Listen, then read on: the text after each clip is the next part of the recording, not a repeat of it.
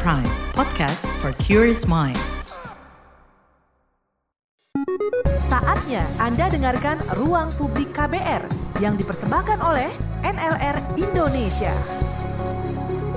Halo, selamat pagi. Kita berjumpa kembali dalam ruang publik KBR dan pagi hari ini dipersembahkan oleh NLR Indonesia. Tema pagi hari ini partisipasi remaja dengan disabilitas dalam pemilu 2024. Bersama saya Rizal Wijaya. Saudara di berbagai daerah, pasien kusta, penyandang disabilitas karena kusta, sering kali masih menghadapi kesulitan dan tidak memiliki akses terhadap pelayanan kesehatan yang layak dan minim informasi terkait tata cara perawatan dan penanganan pasien kusta. Kondisi ini di kemudian hari tentu akan memperparah kondisinya, karena selain berisiko menyebabkan disabilitas, orang dengan kusta yang tidak diobati akan dapat menularkan bakteri kusta kepada lingkungan sekitarnya. Dan kalau berbicara tentang pesta demokrasi, yaitu pemilu yang sudah depan mata gitu ya, Pesta Demokrasi Akbar bagi rakyat Indonesia ini akan dilangsungkan pada 14 Februari 2024 melalui pemilihan umum pemilu serentak Tujuan utama dari pemilu adalah memberikan kesempatan kepada warga negara untuk menyampaikan suara mereka dan memilih para pemimpin yang akan mewakili mereka di pemerintahan. Dan Undang-Undang Nomor 8 Tahun 2016 tentang penyandang disabilitas pasal 13 yang menyatakan bahwa hak politik bagi penyandang disabilitas. Pasal 75 ayat 1 pemerintah dan pemerintahan daerah wajib menjamin agar penyandang disabilitas dapat berpartisipasi serta secara efektif dan bermakna dalam kehidupan politik. Partisipasi para remaja serta pendidikan pemilu bagi uh, remaja tentu menjadi penting gitu ya. Mengingat tantangan pemilu 2024 yang begitu besar dengan banyaknya hoax, berita palsu, termasuk berita palsu yang mengandung unsur intoleran. Nah, seperti apa sih bentuk-bentuk partisipasi yang dapat dilakukan khususnya oleh remaja dengan disabilitas dalam pemilu 2024 mendatang?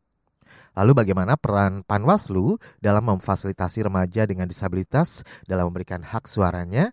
Nah, kita akan bahas lebih dalam soal ini di ruang publik KBR pagi hari ini yang merupakan rangkaian dari program Suka dari NLR Indonesia. Suka Suara untuk Indonesia Bebas Kusta. Baik, hari ini saya juga sudah bersama dengan dua narasumber yang terhubung secara virtual pagi hari ini. Yang pertama saya akan sapa terlebih dahulu, itu ada Ibu Noviati SIP dari eh, PPRBM, Pusat Pengembangan dan Pelatihan Rehabilitasi Bersumber Daya Masyarakat, sekaligus merupakan panitia pengawas pemilihan umum Panwaslu Kecamatan Sidoharjo, Kabupaten Wonogiri, Jawa Tengah.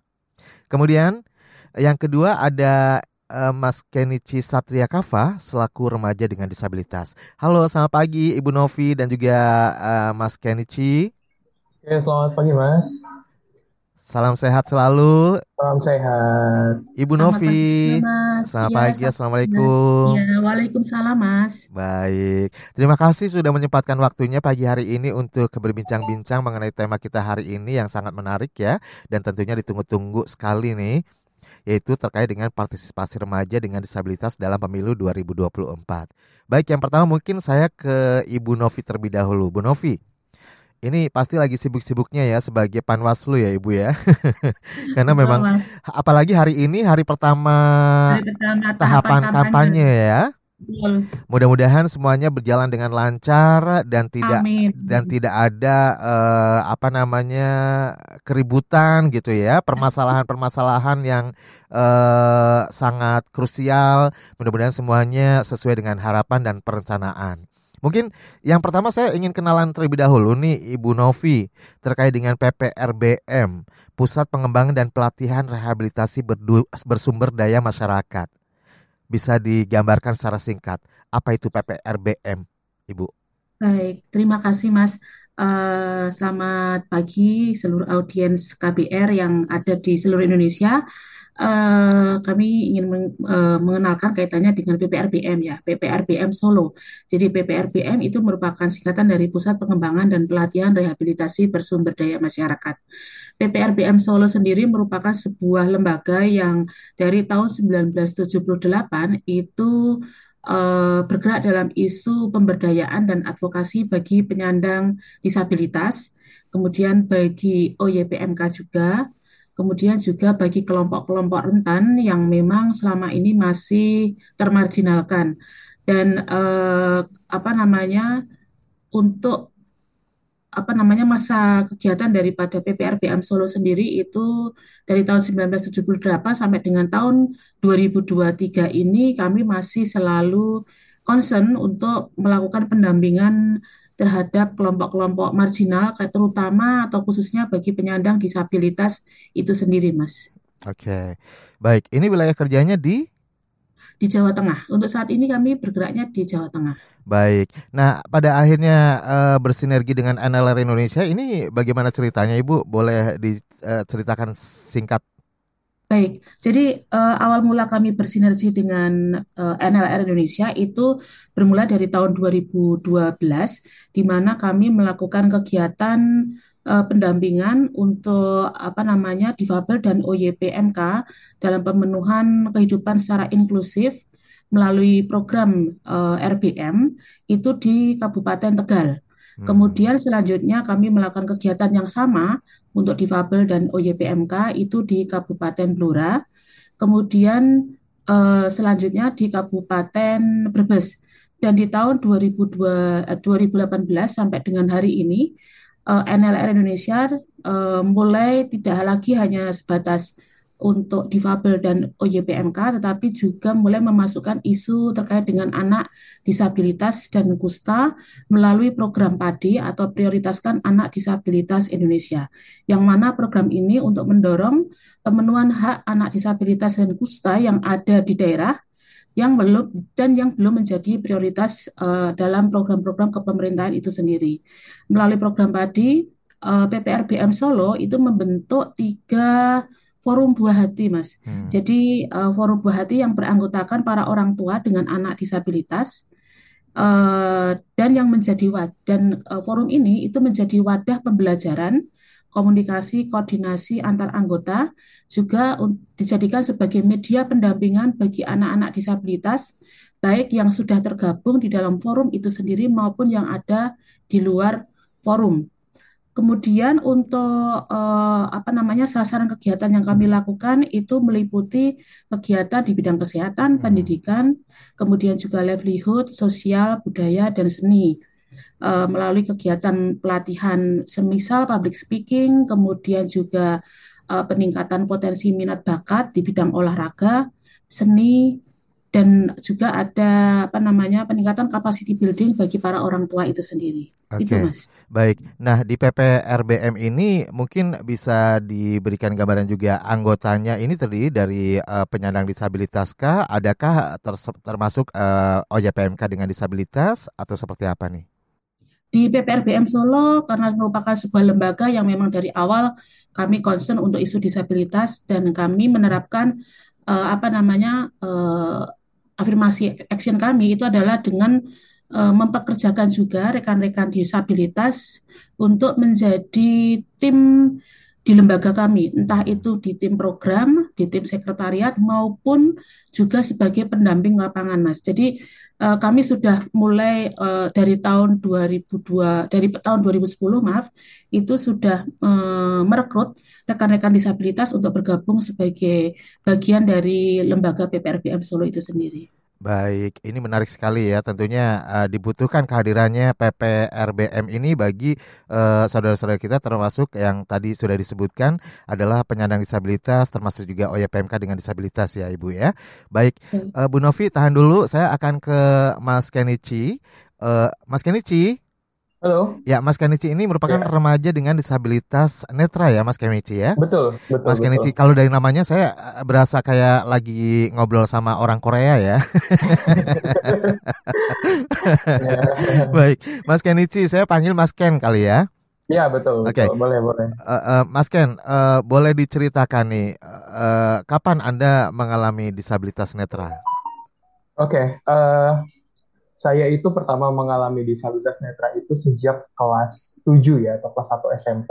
Hmm. Nah, sebelum itu saya memang uh, penyandang disabilitas low vision. Jadi kalau uh, netra itu kan terbagi dua ya, ada netra total dan uh, disabilitas netra dengan uh, penglihatan masih sedikit gitu atau namanya low vision. Hmm. Nah, saya low vision kemudian setelah kelas 7 atau kelas 1 SMP saya mengalami uh, netra total. Seperti itu. Oke, sekarang umur? Sekarang umur 20. 20 oh masuk generasi Z lah ya. Iya, Z banget dong. Z banget ya. Baik. Uh, Kak Ken, uh, ini kegiatannya sejauh ini apa saja nih sehari-hari? Um, saya masih kuliah di dua kampus. Wow. Applause. gitu, dan uh, apa saya juga aktivis uh, disabilitas uh, terkait dengan uh, banyak sih uh, saya juga menangani uh, tentang rancangan peraturan perundang-undangan, saya juga uh, menangani advokasi terkait dengan hak-hak disabilitas, uh, baik itu ke pemerintahan maupun ke pihak-pihak uh, swasta yang memang uh, kami sasar gitu. Wow, cadas banget nih Kak Ken. Oke, okay. ini boleh di-spill nggak kampusnya mana? Uh, kampus pertama saya di UIN Jakarta, Universitas Islam Negeri Syekh Diyatullah Jakarta. Saya semester 5 di Bimbingan Penyuluhan Islam.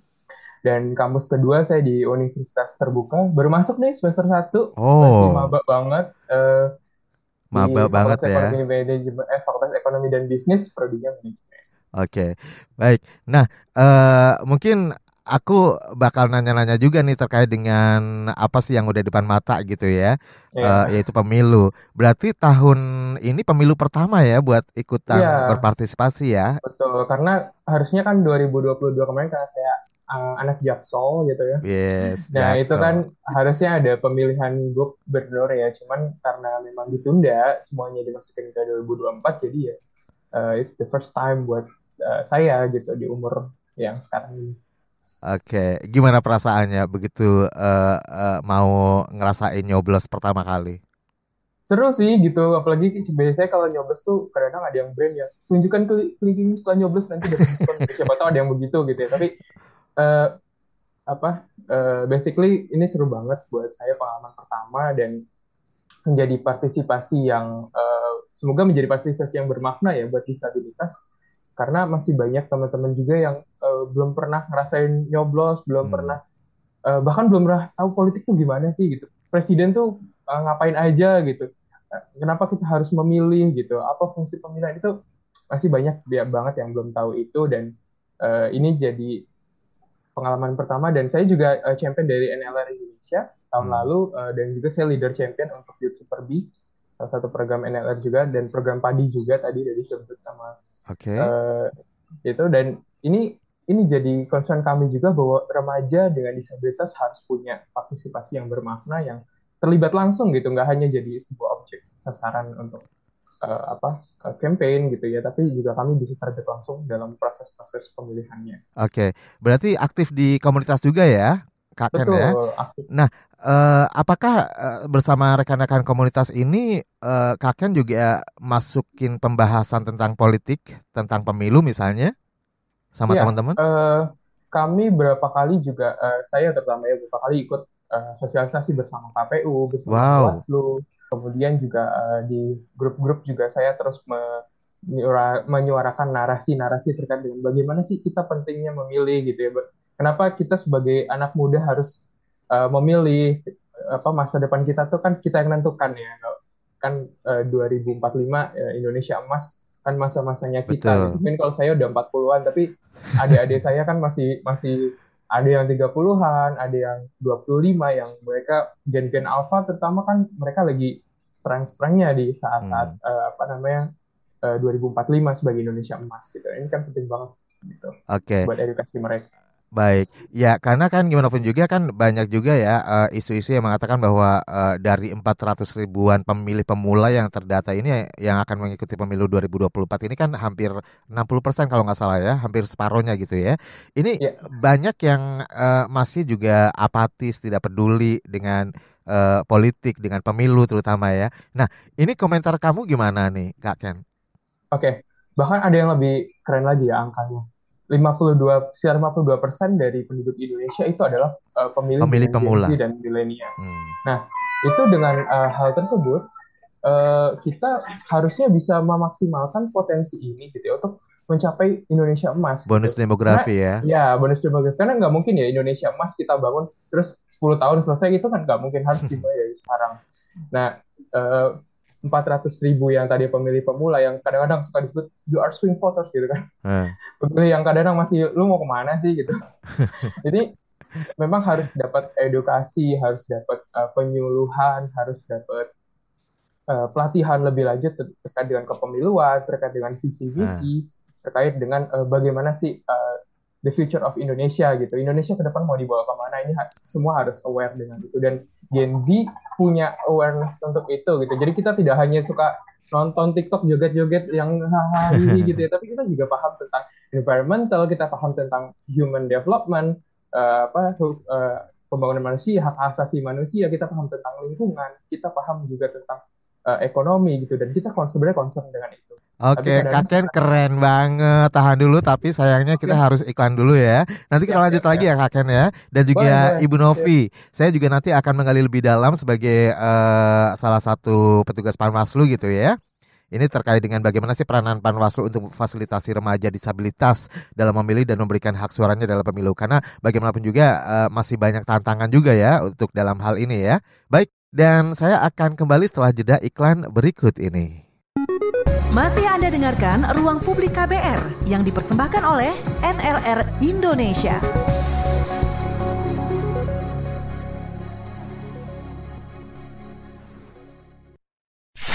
Commercial break. Commercial break. Saudara pemerintah menyerahkan Tolong, tolong. Oh, sang pencipta nun jauh di sana. Aku sudah tak sanggup. Sepertinya ajalku sudah dekat. Oh Isabella kekasihku, maaf, Kakanda melanggar janji. Kakanda tidak bisa mempersuntingmu. Wahai anak muda, nun jauh di sana.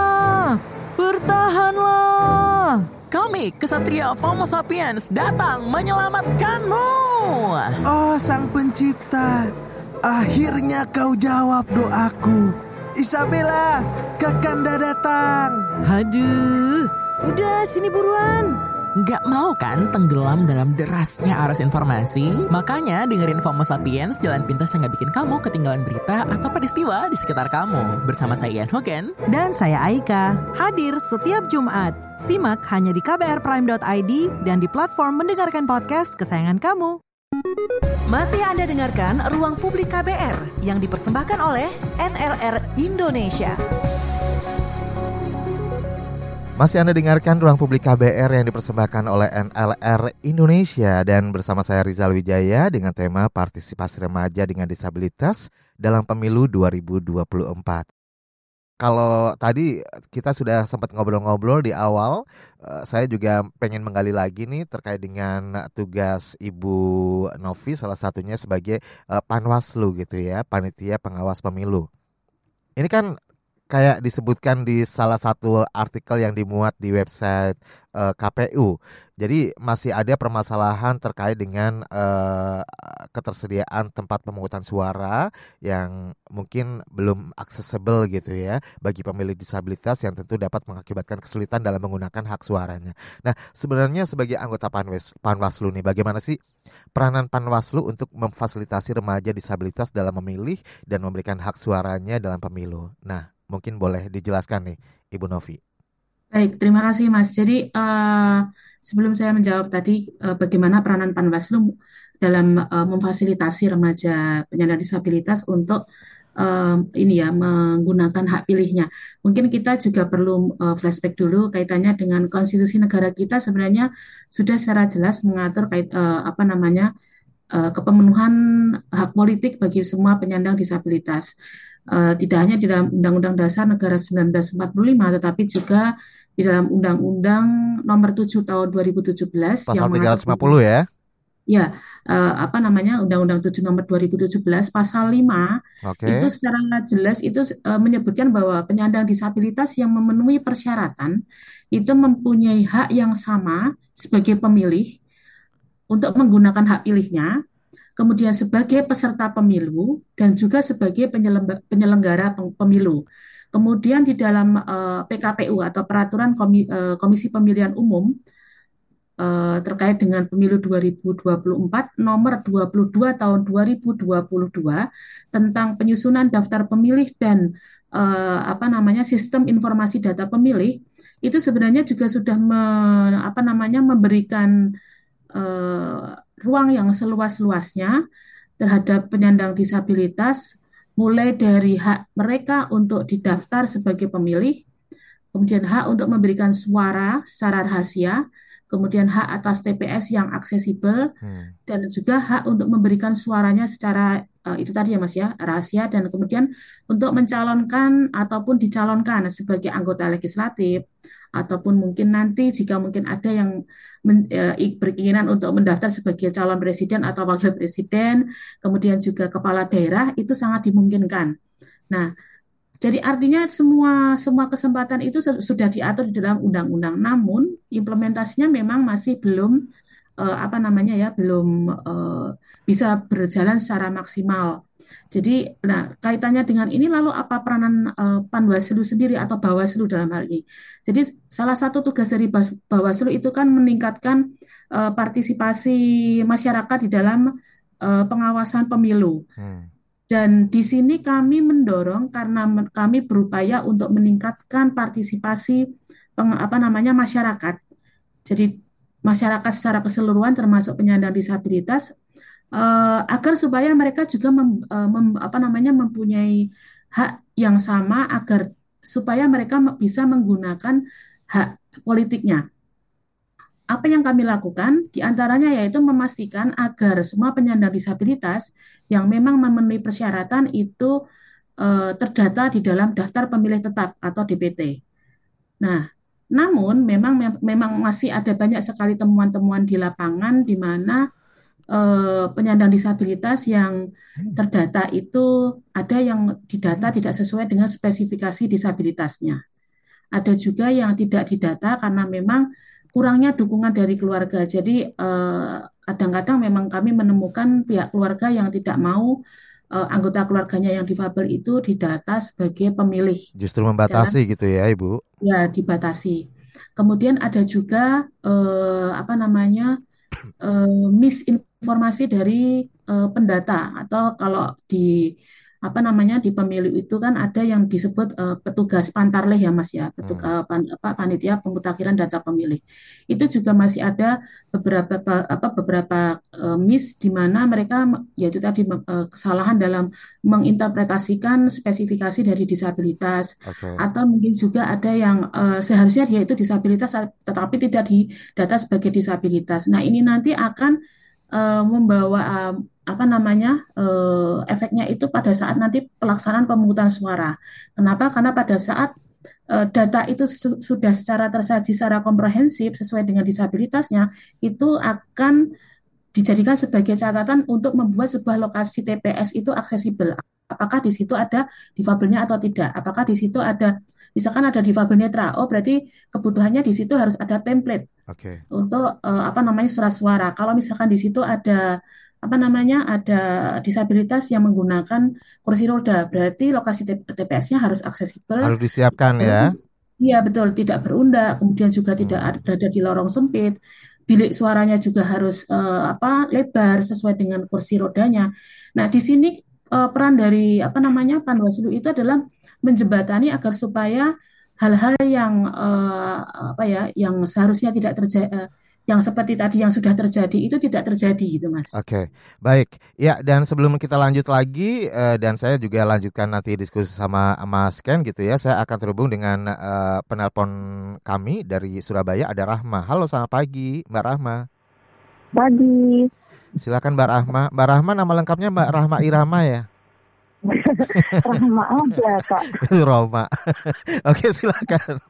Oke, okay, uh, makasih. Iya, makasih atas kesempatannya. Selamat pagi Bu Novi dan Mas Ken. Ini ini saya mau, ber, uh, mau bertanya. Tadi kan sudah dijelaskan bahwa fasilitas untuk uh, disabilitas uh, ketika uh, akan uh, pemilu nanti itu sudah uh, di, di apa namanya diupayakan sedemikian rupa. Nah, pertanyaannya jika kemudian uh, kami uh, warga uh, mendapati yang tidak seharusnya itu uh, harus seperti apa dan uh, lapor untuk, ke mana uh, gitu uh, uh, ya uh, untuk disabilitas sendiri kan itu tidak semua uh, memiliki kepercayaan diri tinggi ya untuk hmm. uh, keluar uh, dan uh, apa namanya uh, melaksanakan hak suaranya gitu.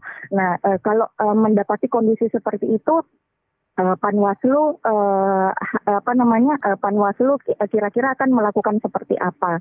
Nah untuk uh, Mas Ken sendiri ada nggak pengalaman dari teman-teman sekitar yang uh, apa namanya uh, yang mengalami um, mem, apa yang mem, mempertanyakan kok uh, mau sih terlibat uh, uh, jauh dengan pemilu ini apalagi kan banyak yang apa namanya alergi sama politik gitu kan okay. uh, kok Mas Ken mau uh, dengan kondisi yang uh, seperti sekarang uh, seperti sekarang ini nah kira-kira uh, apa uh, motivasi apa yang uh, Mas Ken miliki dan uh, sosialisasikan ke teman-teman sekitar uh, sehingga mereka mau uh, ikut berpartisipasi uh, ya. Baik. Okay. Ya, Mbak Mbak Rahma, nanti setelah ya. setelah mengikuti talk show pagi hari ini mungkin uh, kita juga mengharapkan Mbak Rahma dan juga rekan-rekan masyarakat pada umumnya ikut menyosialisasikan juga ya, mengedukasi kepada orang-orang terdekat ya. Oke, terima kasih Mbak Rahma. Baik, dan nanti akan dijawab oleh dua narasumber kami setelah jeda iklan tentunya. Kita harus uh, break dulu dan setelah iklan kita akan kembali untuk uh, meminta jawaban ya kepada Ibu uh, yang jelas Ibu Novi serta Kak Ken ya. Nanti akan menjawab pertanyaan dari Ibu Rahma di Surabaya pertanyaannya agak panjang soalnya. Oke, jangan ke mana-mana. Saya akan kembali setelah jeda iklan berikut ini. Masih Anda dengarkan Ruang Publik KBR yang dipersembahkan oleh NLR Indonesia.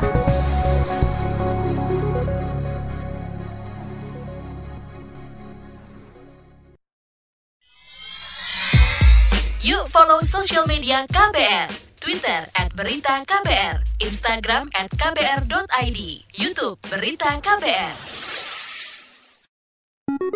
Masih Anda dengarkan Ruang Publik KBR yang dipersembahkan oleh NLR Indonesia. Hingga saat ini Anda masih mendengarkan Ruang Publik KBR yang dipersembahkan oleh NLR Indonesia bersama saya Rizal Wijaya dan kita masih membahas mengenai partisipasi remaja dengan disabilitas dalam pemilu 2024. Dan pagi hari ini saya bersama Ibu Noviati SIP dari PPRBM eh, Pusat Pengembangan hmm. dan Pelatihan Rehabilitasi Bersumber Daya Masyarakat sekaligus panitia pengawas pemilihan umum Panwaslu Kecamatan Sidoarjo Kabupaten Wonogiri Jawa Tengah serta Kak Kenichi Satria Kava selaku remaja dengan disabilitas netra ya. Baik, eh, tadi pertanyaan sebelumnya dari penelpon dari Ibu Rahma di Surabaya ya. Tapi sebelum saya bacakan kembali pertanyaan dari Ibu Rahma, eh, mungkin saya ke Kak Ken terlebih dahulu. Kak Ken, eh, pernah nggak sih mendapatkan informasi informasi dari uh, teman-teman sebaya gitu ya, uh, sekaligus penyandang disabilitas netra mungkin uh, di kelompok Anda yang mungkin curhat soal misalnya yang tempat yang tidak aksesibel kayak TPS mungkin. Pernah nggak ada pengalaman itu, Kak Ken? Uh, gini, jadi ketika kita berbicara tentang uh, TPS aksesibel dan aksesibilitas pemilih, itu kan uh, itemnya banyak sekali ya, indikatornya juga uh, banyak dan KPU sendiri sudah menetapkan di dalam uh, apa peraturan KPU dan juga di dalam Undang-Undang 7 2017 tentang uh, bagaimana spesifikasi TPS aksesibel. Hmm. Nah, memang uh, saya banyak banget ya terima uh, curhatan gitu, terutama yang abang-abang saya yang sudah hmm. memilih pada uh, periode sebelumnya gitu masih banyak uh, template yang tidak tersedia untuk netral misalnya. Terus Eh, petunjuk-petunjuk petunjuk-petunjuk yang agak samar gitu yang agak kurang susah uh, sulit dimengerti buat uh, teman-teman tuli misalnya. Kayak nyediain tapi setengah-setengah gitu ya. Ya gitu. Itu kayak setengah-setengah kayak niat gak sih gitu kan.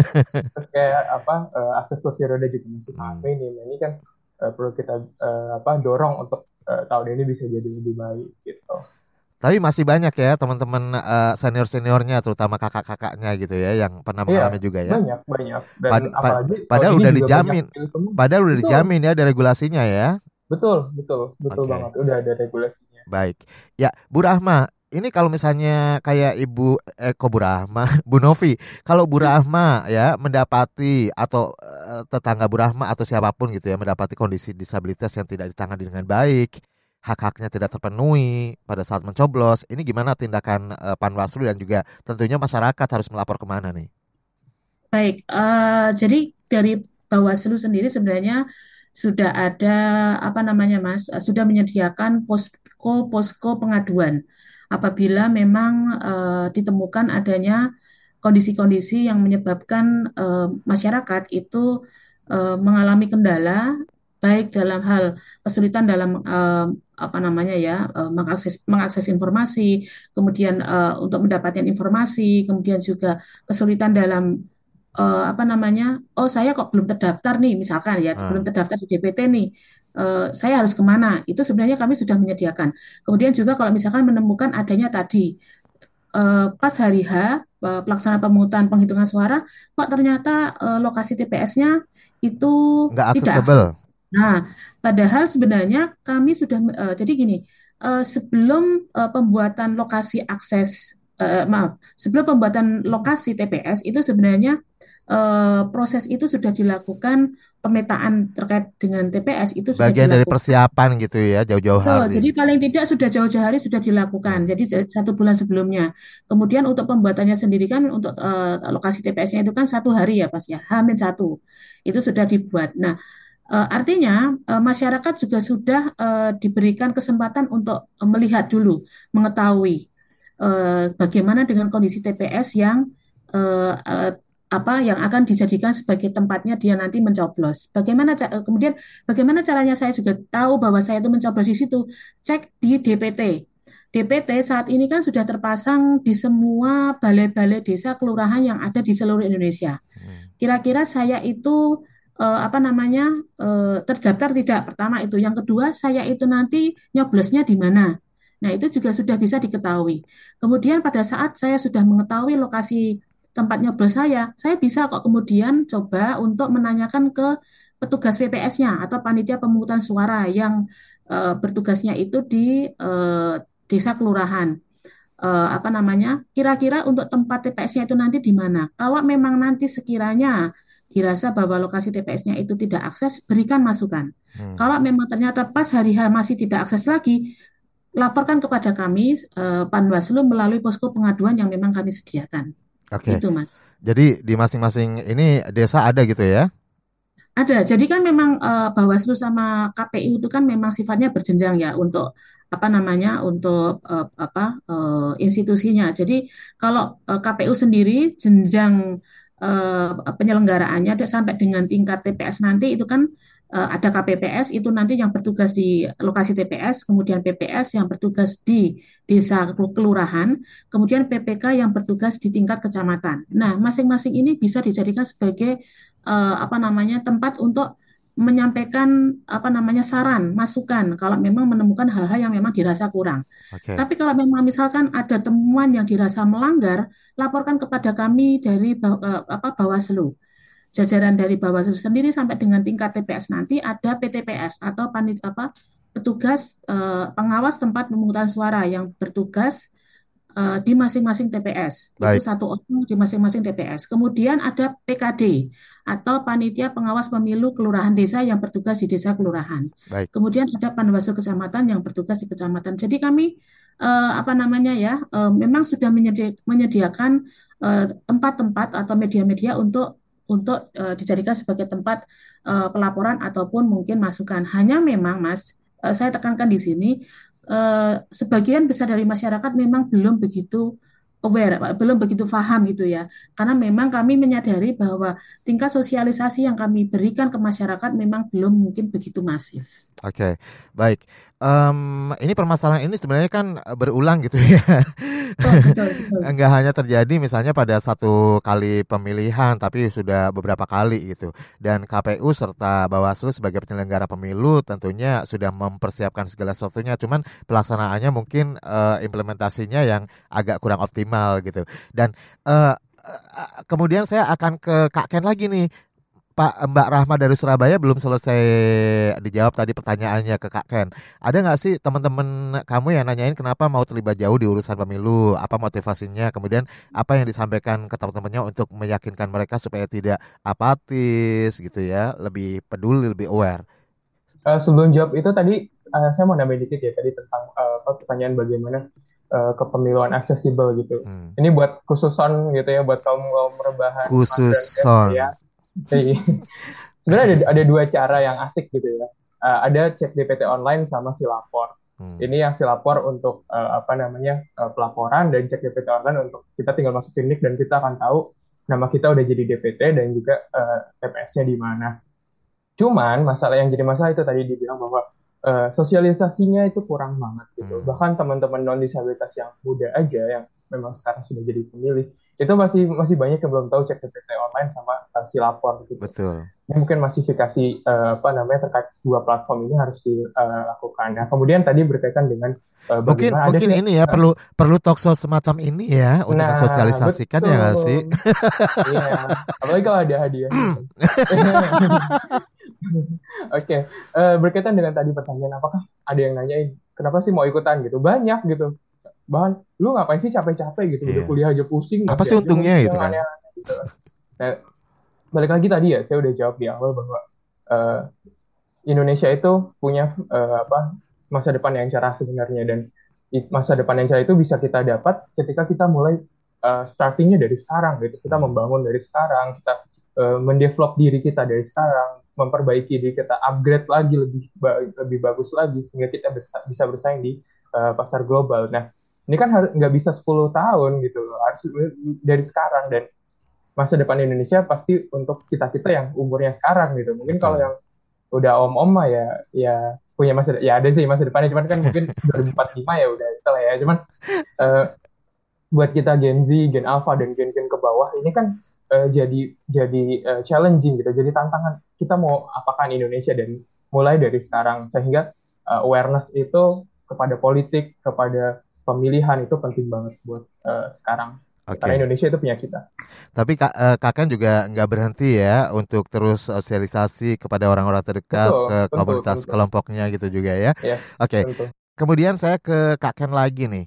Kak Ken, uh, bagaimana sih bentuk partisipasi yang Anda harapkan bagi Anda, kemudian remaja disabilitas lainnya untuk menyukseskan pemilu 2024 ini? Mungkin bisa okay. ditekankan lagi ya. Oke, okay. uh, eh, disabilitas itu sering kali ya jadi uh, isu eksploitasi gitu pada saat pemilu gitu. Tapi ketika setelah pemilu ya kami seperti balik lagi seperti orang-orang yang dengan bahasa bahasa kalau bahasa Marx itu termarginalkan gitu ya, hmm. terpinggirkan isunya.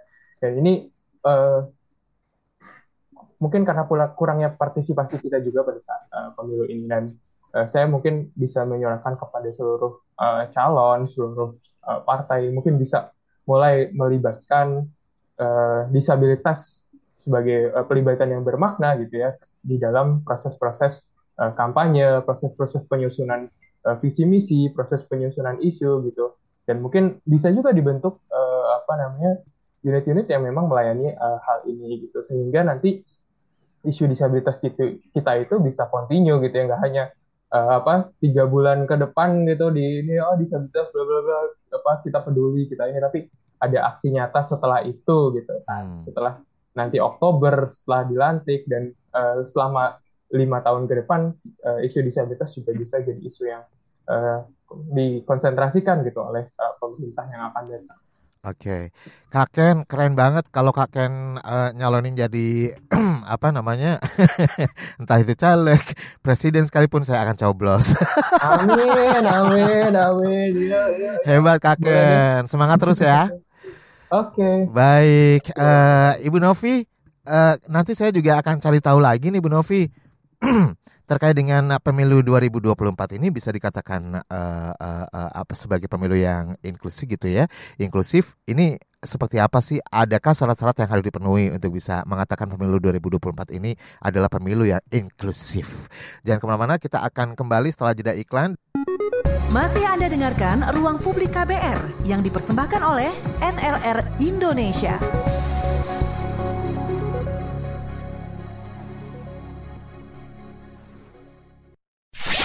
Commercial break. Commercial break. Permisi, Mas. Iya, Mbak. Numpang nanya. Mau nanya apa? Tahu KBR Pagi nggak? Udah pasti tahu dong, karena aku sekeluarga udah lama langganan KBR Pagi. Banyak informasi, mulai dari berita sosial, budaya, politik, hukum, berita nasional maupun daerah, berita terkini sampai berita viral. Semua ada di KBR Pagi. Pokoknya kurang lengkap aja rasanya kalau sehari nggak dengerin KBR Pagi di kbrprime.id. Cari aja KBR Pagi. Loh, kok Mas hafal banget? Jangan-jangan Mas hostnya ya? Hayo ngaku. Kamu Don Brady kan? Eh, eh, eh, eh, eh, kabur. KBR Prime, podcast for curious mind. Masih Anda dengarkan Ruang Publik KBR yang dipersembahkan oleh NLR Indonesia. Kita sampai bagian akhir ruang publik KBR yang dipersembahkan oleh NLR Indonesia dengan uh, tema partisipasi remaja dengan disabilitas dalam pemilu 2024 bersama saya Rizal Wijaya dan masih bersama Ibu Noviati uh, dari Panwaslu dan juga PR PPRBM ya, serta Kak Kenichi Satria Kava remaja dengan disabilitas netra. Baik, dan uh, beberapa pertanyaan juga sudah masuk, sudah kami pilih juga untuk saya bacakan satu persatu. Uh, yang pertama mungkin dari YouTube terlebih dahulu nih. Reine Raya. Izin tanya untuk Kak Kenichi, siapa saja yang berperan dalam mengenalkan pemilu kepada Kak Ken? Kak Ken? Oke, langsung dijawab ternyata. Iya, Siap. boleh. uh, yang pertama, uh, kita tahu pemilu tentu dari uh, keluarga terdekat ya. Peran orang tua, peran uh, termasuk juga tenaga pendidik, tenaga pengajar guru, itu juga penting buat uh, mensosialisasikan KP, uh, kepemiluan, terutama bagi uh, pemilih pemula. Ini yang uh, apa uh, neighbor yang paling dekat gitu, lingkungan yang paling dekat itu sangat berperan. Kemudian uh, kita masuk kepada uh, lingkungan yang lebih luas lagi yaitu sosial media tentunya kalau berbicara Gen Z apalagi sih kalau nggak sosmed, kalau nggak TikTok, kalau nggak IG gitu ya, uh, yang suka swipe-swipe gitu. nah ini juga uh, penting bagi teman-teman uh, influencer ya terutama yuk uh, apa kita mulai uh, bangun awareness uh, kepada seluruh apa buat semua orang untuk uh, mengetahui bagaimana pentingnya pemilu dan juga bagaimana uh, pentingnya memilih untuk Indonesia gitu. Jadi nggak cuma uh, yang apa ya yang kesannya mungkin agak-agak ya yang penting santuy gitu ya nggak tapi coba kita uh, masuk santuy tapi rada-rada uh, serius sedikit gitu ya untuk okay. memikirkan Indonesia ke depan. Baik, yang penting uh, Nosara ya. Yo, Betul, nggak ada polarisasi apa segala macam. Ada polarisasi, nggak ada hoax. Baik. Nah, nanti aku juga pengen tahu nih sebenarnya peran sosmed itu seperti apa sih kalau menurut Kak Ken. Tapi tahan dulu karena ada pertanyaan juga untuk Ibu Novi dari Hikuts.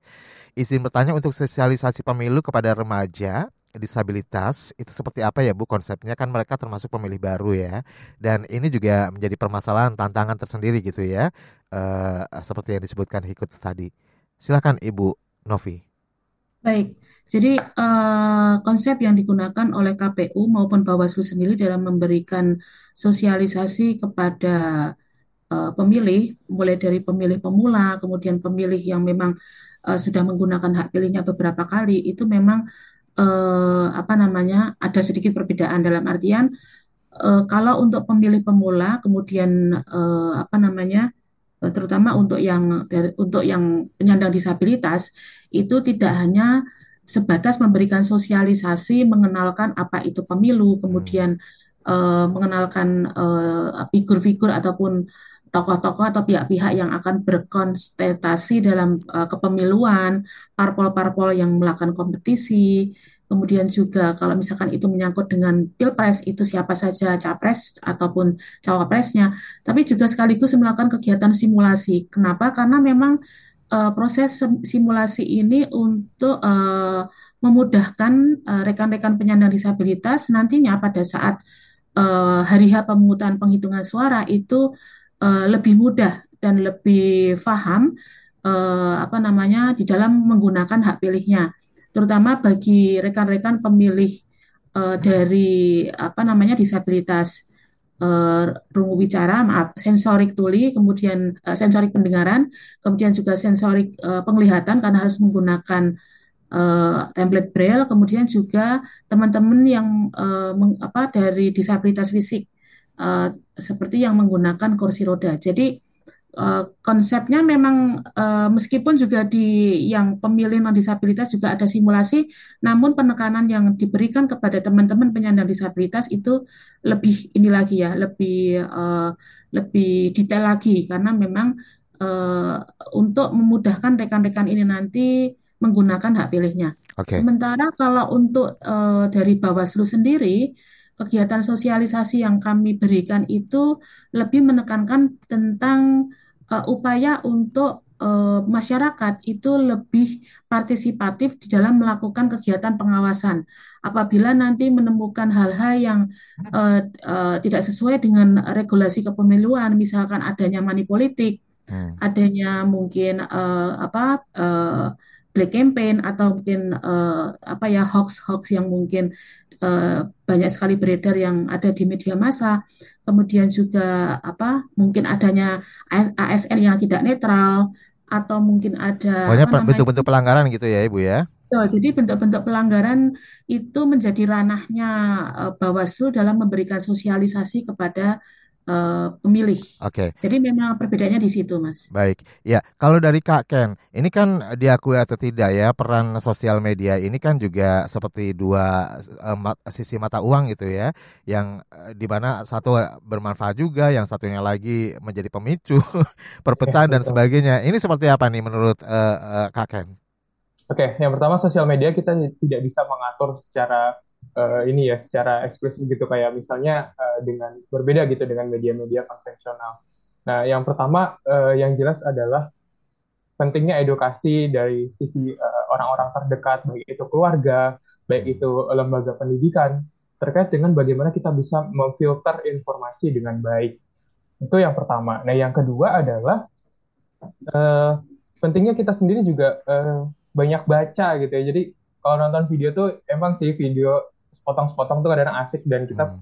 uh, saya tahu bahwa kita punya apa goldfish effect gitu ya yang tiga detik pertama tuh kalau nggak nggak senang langsung swipe gitu kan. Betul. kan cuman uh, pentingnya uh, membaca informasi secara menyeluruh gitu ya agar tidak terjadi clickbait itu juga uh, menjadi concern kita dan yang terakhir adalah tadi sosialisasi dari penyelenggara pemilu itu sebaiknya tidak hanya dilakukan mungkin setahun dua tahun tapi ber, berjenjang ya apa hmm. terus menerus gitu continue jadi ketika pun kita tidak ada uh, pesta demokrasi tidak ada pemilu tapi tetap uh, dilakukan pendidikan tentang hoax pendidikan tentang uh, apa kepemiluan termasuk juga bagaimana memanfaatkan platform yang yang uh, mendukung aktivitas kepemiluan ini juga harus disosialisasikan secara terus-menerus. Oke, baik, Ibu Novi, tadi saya ya. sebelum jeda juga sempat menyinggung ya soal uh, apa namanya pemilu yang inklusif. Ini seperti apa ya. sih? Boleh diberikan gambaran?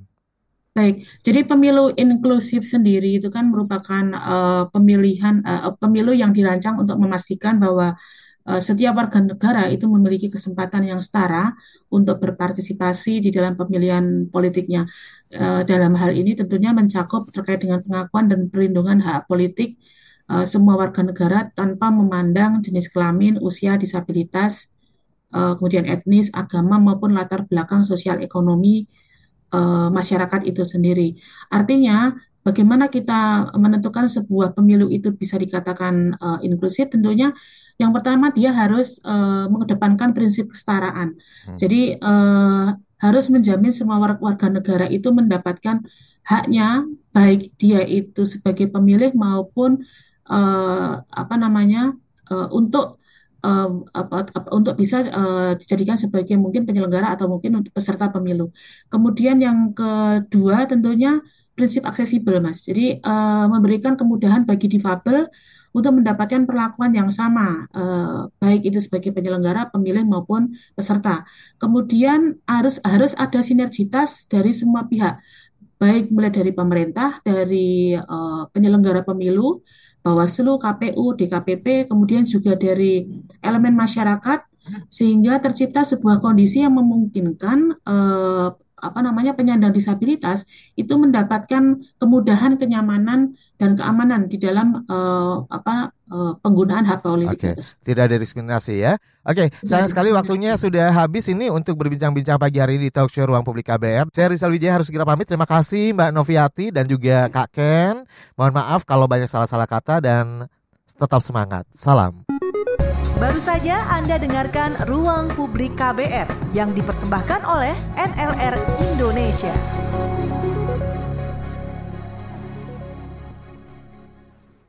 KBR Prime, cara asik mendengar berita.